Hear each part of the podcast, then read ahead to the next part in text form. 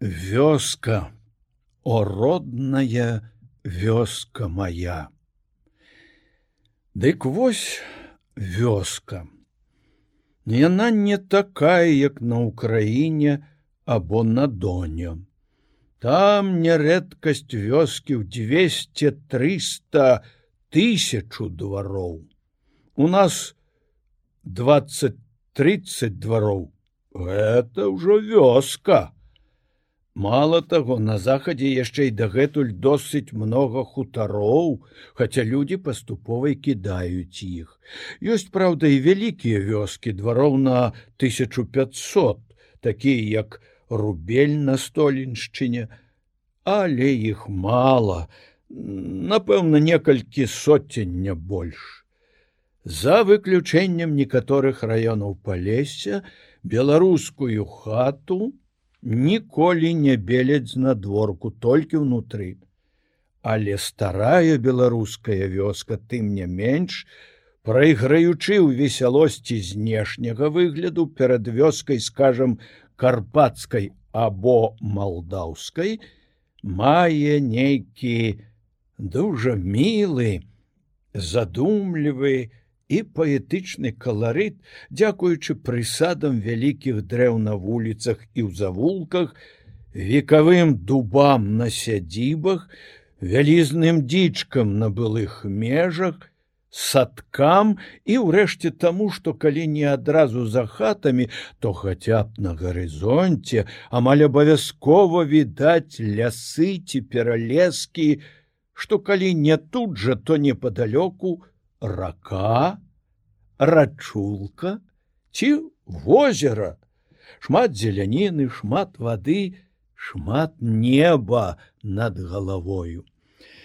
У нас часта хату будуюць талакою, стоўстых і смалістых сасновых бярвенняў, Таму што лесу ўсё яшчэ многа, по той самай прычыне амаль няма, глінабітнай подлогі як на поўдні ссср а ёсць подлога з дошак.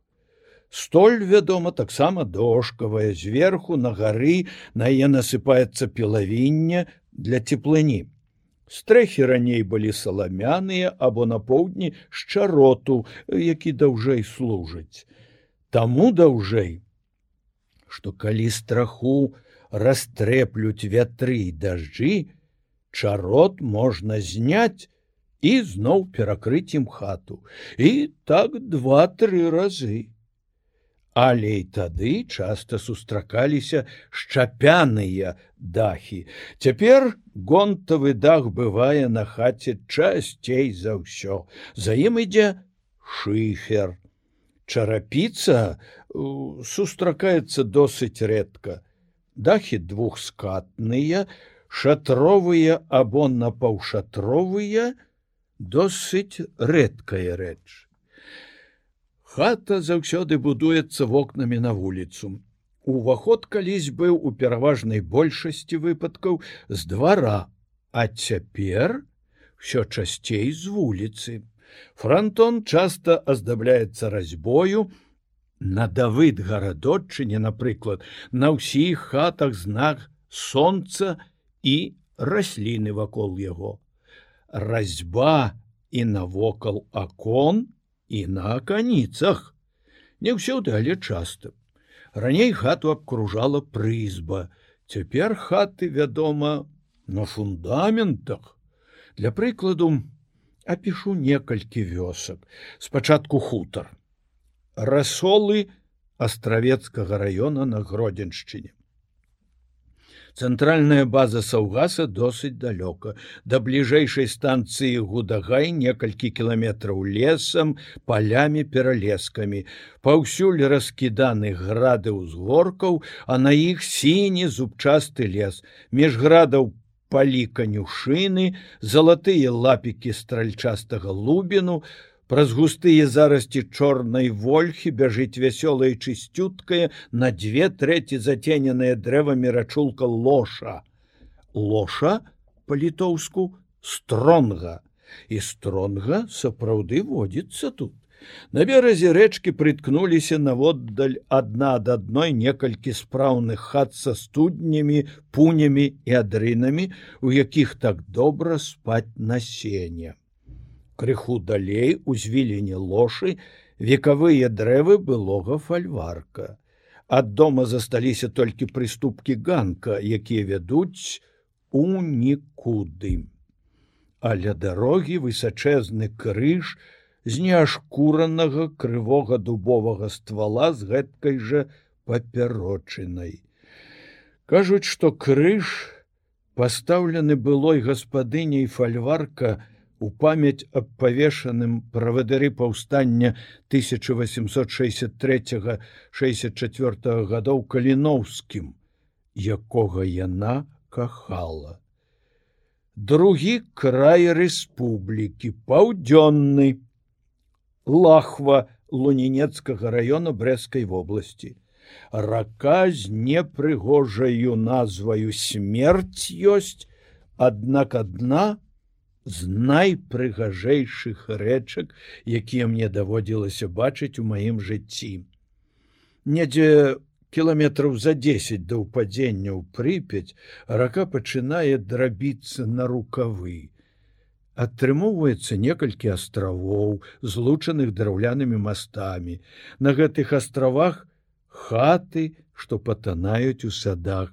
Вода рукавоў цёмна-зялёная з сонечнымі плямамі бо над імі вербы ўтвараюць суцэльныя тунелі і ў гэтых тунелях у імгле цэлыя чароды чаўноў.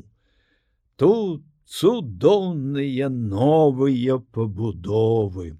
У прыватнасці школа.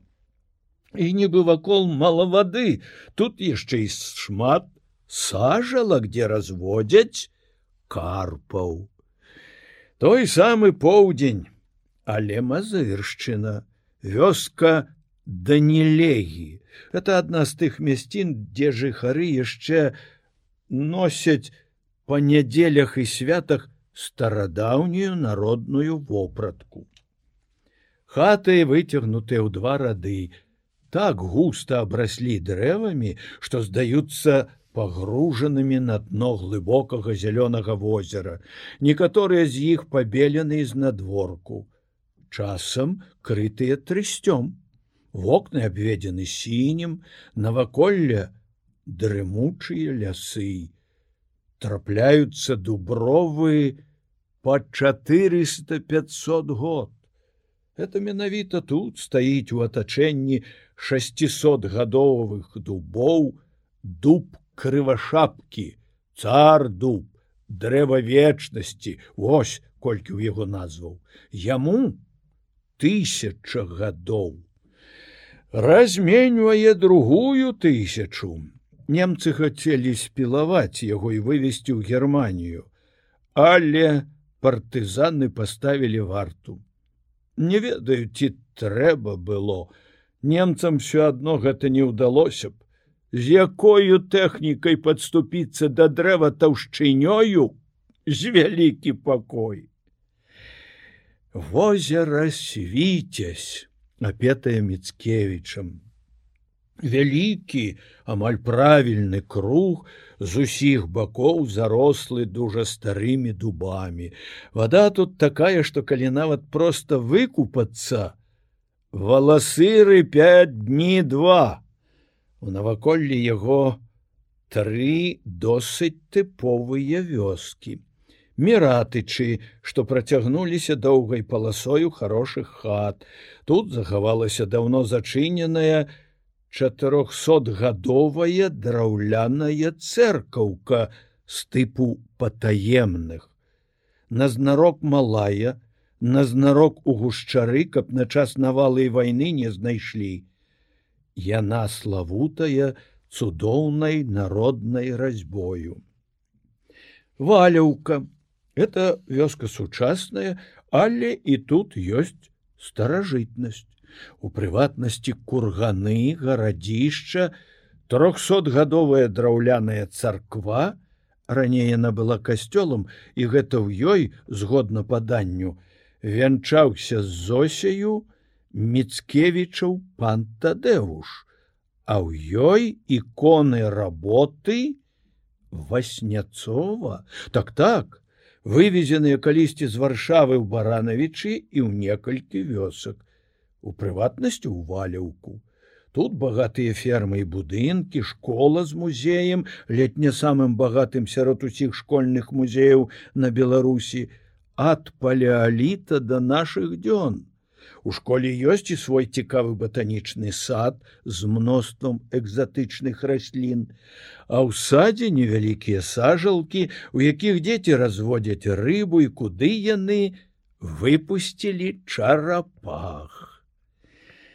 Варонча. Вёска амаль гарадскога тыпу. Тут некалькі прадпрыемстваў, але і гэта вёска музей. Тут над запруджанай рачулкай у гушчары стаяў, а можа і цяпер стаіць восьмісотгадовы дуб, звязаны з імем Мцкевіча. Унутры дуплоў, якім могуць паснедаць вакол стола чалавек 10. Нават акенца ёсць на другі бок. Можна высунуць галаву і глядзець проста з дрэва, як лясны дух. Наводдаль, руіны дужа даўняга касцёла і могілкі з цудоўнымі помнікамі з італьянскага мармуру.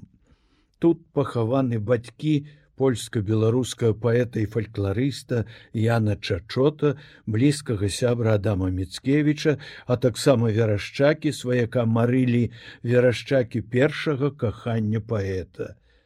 Маёнтак верашчакаў Туганавічы, быў некалі побач. На яго месцы застаўся парк і альтанка марылі, некалькі ліп пасаджаных кругам. Яны так зарасліся, што каб адна не ўпала, унутр гэтага драўлянага круга нельга было патрапіць. Як бачыце, амаль у кожнай беларускай вёсцы ёсць што паглядзець, толькі трэба ведаць, што глядзець правоблік новага беларускага сяла пра саўгасы і калгасы я раскажу крыху далей